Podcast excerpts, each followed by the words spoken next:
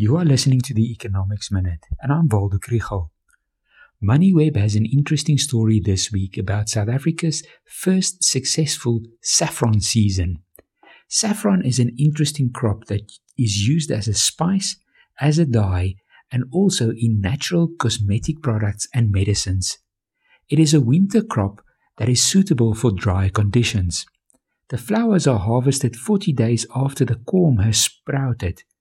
It is a labor intensive process because the flowers are picked and the threads removed by hand. Saffron sells for about 250,000 rands per kilogram, but for that you need 150,000 flowers. A company called Saffricon sells starter packs with 700 prepared corms to prospective farmers who would like to try them.